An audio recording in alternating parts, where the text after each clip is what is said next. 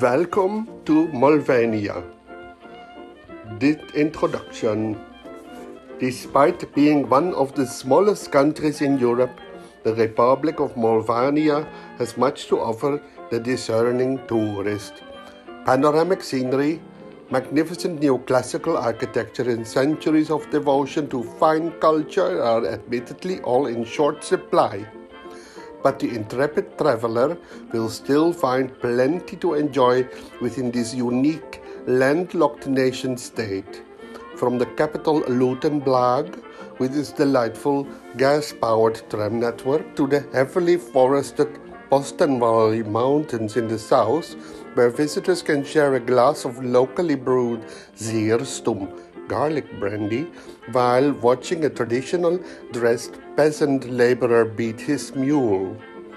Molvania, the world's number one producer of beetroot and the birthplace of whooping cough, is a country steeped in history, and everywhere here the past is beautifully preserved, such as in towns like Girorig, where you will find one of the oldest nuclear reactors still operating in the world.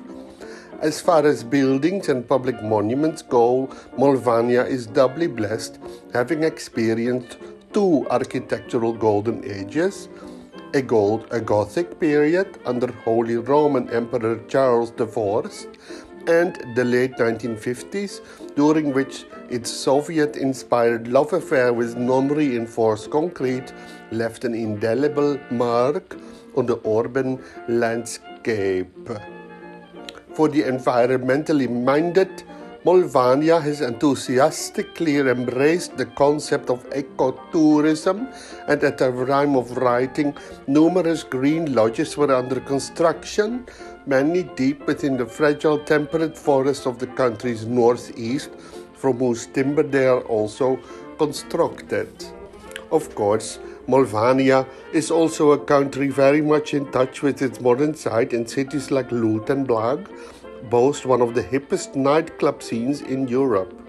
Here you will see trendy young Molvanian students dancing the night away to the sounds of a Vzdari band, described by one visitor as techno trance meets the mazurka, or perhaps take a tour of the massive automotive plant in Bardejov, where proud workers produce Molvania's national car, the Skumpta, with its distinctively stylish plywood interior trim. Food lovers will be well catered for on any trip to this part of the world, and Molvanian cuisine has certainly come a long way from the time when you could only find a few greasy, dimly lit, and overpriced cafes in the center of Lutenblag. Nowadays, such establishments have sprung up everywhere throughout the country. Whatever you're looking for, chances are you will find it in Molvania. All you need is this guide plus a few vaccinations and you're ready to go. For cholera, typhoid, diphtheria, hepatitis A, hepatitis B, polio, tuberculosis, hepatitis C, meningitis, malaria, tetanus, dengue fever, and tick borne encephalitis. Those planning to travel into the countryside might also consider an anthrax shot.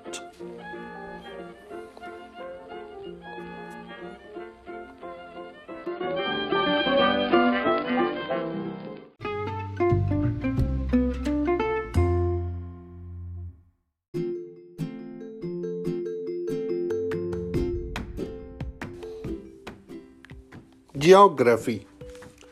Molvania was once described by a visiting writer as being at the crossroads of Eastern Europe, and despite suspicions by some that he was simply being ironic, it retains a central place in European history. Geographically, it is a diverse country, its southern regions largely made up of flat, boggy marshland and reclaimed swamps while up in the north and west you will find vast windswept plains. There are, of course, mountains in the far southeast of the country, the world renowned Postenwall Ranges, through which the popular Tour de Molvania bicycle race passes each year. During the winter months, these hills become a mecca for skiers, although at just over 700 meters, the snow cover can become a little desert like, hence the description Mecca. Two main waterways cross the country. The mighty river Ouse that snakes through the center of the country all the way west until it crosses the border into Germany, where it's known as the Saxony Sewer, and the smaller but no less impressive river Vistula in the country's south. Much of the Central Valley region was arid and bare, but thanks to copious amounts of fertilizer, coupled with the Molvanian government's open door approach to genetically modified crops, local farmers have been able to produce ample supplies of maize, corn, beetroot, and a particular potato like hybrid EU scientists are yet to officially classify as food. Molvania prides itself as an environmentally conscious nation, and all of its waste is either sorted and recycled or dumped over the border in Slovakia. The average precipitation is 67 centimeters per year, which falls as mainly snow, sleet, or acid rain. The people.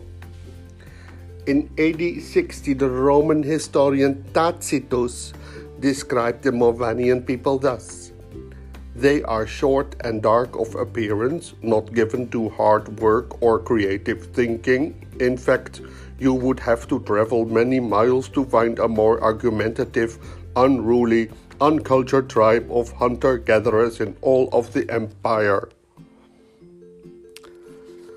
Even today, Molvanians are often misrepresented as being surly, short tempered, and prone to violence, but of course, this only represents one part of the picture.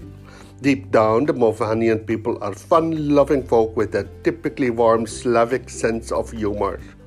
There are aspects of their behavior that may take a little getting used to, such as their phone manner, in which brusqueness is considered a virtue.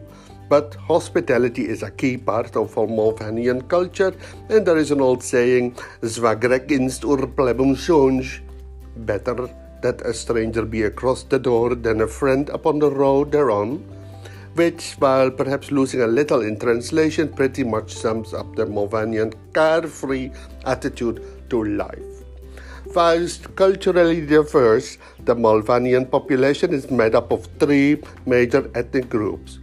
The Bulge form 68%, who live predominantly in the center and south. The Hungars, 29%, who inhabited the northern cities. And the Molves, 3% who can be found mainly in prison. Some European countries are marred by racial disharmony between permanent residents and their itinerant gypsy population. Molvania prides itself on the fact this is not a problem, as most of the gypsies have been successfully driven abroad or incarcerated. Molvanians are not, as a rule, a particularly formal people. However, there are basic rules governing social contract, contact that are worth adhering to. Upon meeting someone in the street, shake their hand and bow slightly unless the person is older, in which case simply bow and clip the heels remembering that a handshake in such circumstances would be causing enormous offense, as would clipping the heels of a presence in the presence of a married woman or a member of the clergy.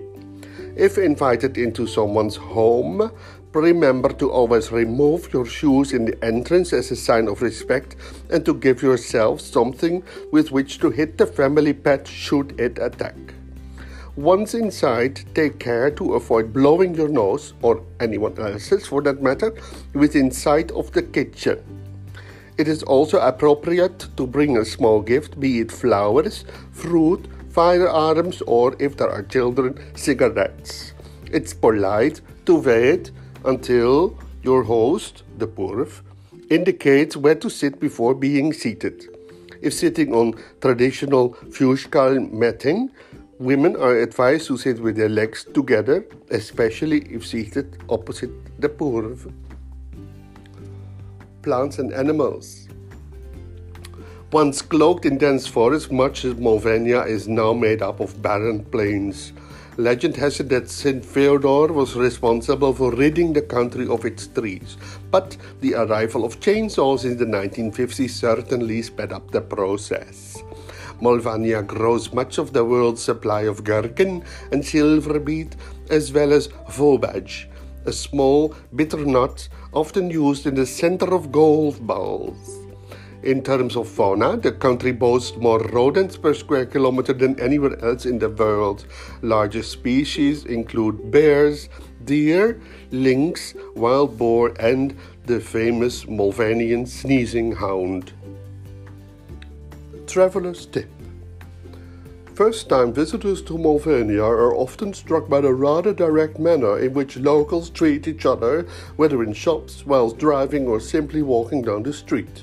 Raised voices and wild gesticulations are common, and to an outsider it would appear no one seems to particularly like each other. The truth is that Molvanians are simply a very forthright people, not overly concerned with the niceties of human interaction. Waving a fist at another driver or spitting on a family member is all part of daily life for these easygoing folk. Of course, for a new arrival, it takes a bit of time to work out how you should behave in return. The precise degree of brusqueness required, for example, to catch the attention of a waiter. If you are too meek, he will ignore you.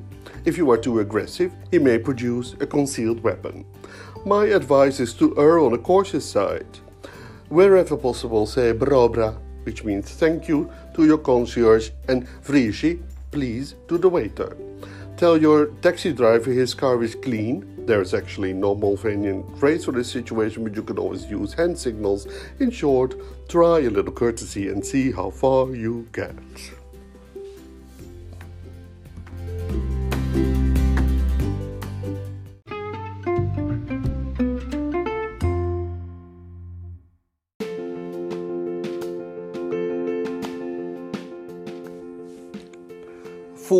And drink.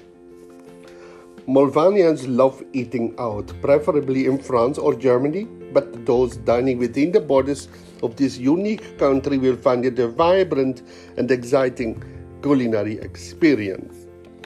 Only in Molvania can one sample our traditional fare such as horse flap, the local pickled meat delicacy, washed down with a glass of zeerstum a liqueur once described by a reader as tasting like a mixture of vodka and avgas. Quite understandable as both are common ingredients. Most Molvanians also have a sweet tooth, only often the only one left after a lifetime of overly sweetened food, and national desserts here are a gastronomer's delight, with a surprisingly wide variety, given that so many of them are based on parsnip. American style coffee shops are common throughout the country, but of course, old habits die hard, and most mornings around 11 a.m., you will see many elderly Molvanians propped up in a Zvarovar bar, drinking cups of this heavily sugared chicory extract through cork filters. There is in those in need of a fast food fix will notice several Burger Kings, McDonald's, and KFC stores have opened up in the main centers, though not without a fight from many local groups who oppose the arrival of such US based restaurant chains. In the, in the end, a compromise was reached, and all products sold as these outlets must contain 12% local cabbage, except for the milkshakes, which require just 10%. There are also homegrown fast food franchises such as the popular Zits pizza restaurants, which the, where the owners advertise an attractive second helpings are free policy, save in the knowledge this offer will rarely be taken up. As a rule, eating out in Molvania is quite cheap especially compared to other parts of Europe, but take care to check the menu prices for added extras, such as a 10% service fee, 20% if you want cutlery, which can bump the cost up. In some of the larger cities, you may also be expected to pay extra for a waiter with a mustache. Alcohol can be easily purchased throughout Molvania in most bars, restaurants, cafes, supermarkets, and churches. The local drop.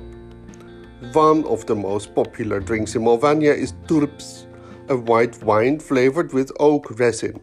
This fruity drop is an acquired taste, but once tasted, it is hard to give up, due in part to the fact that it contains nicotine. Fishy business. One of the most sought after delicacies in Molvania is ovsa, the local caviar made from the eggs of the freshwater carp. Slightly sour with a bitter aftertaste, the fish roe is generally salted, boiled, tenderized, and then preserved in oil for several years before being served as a decorative garnish.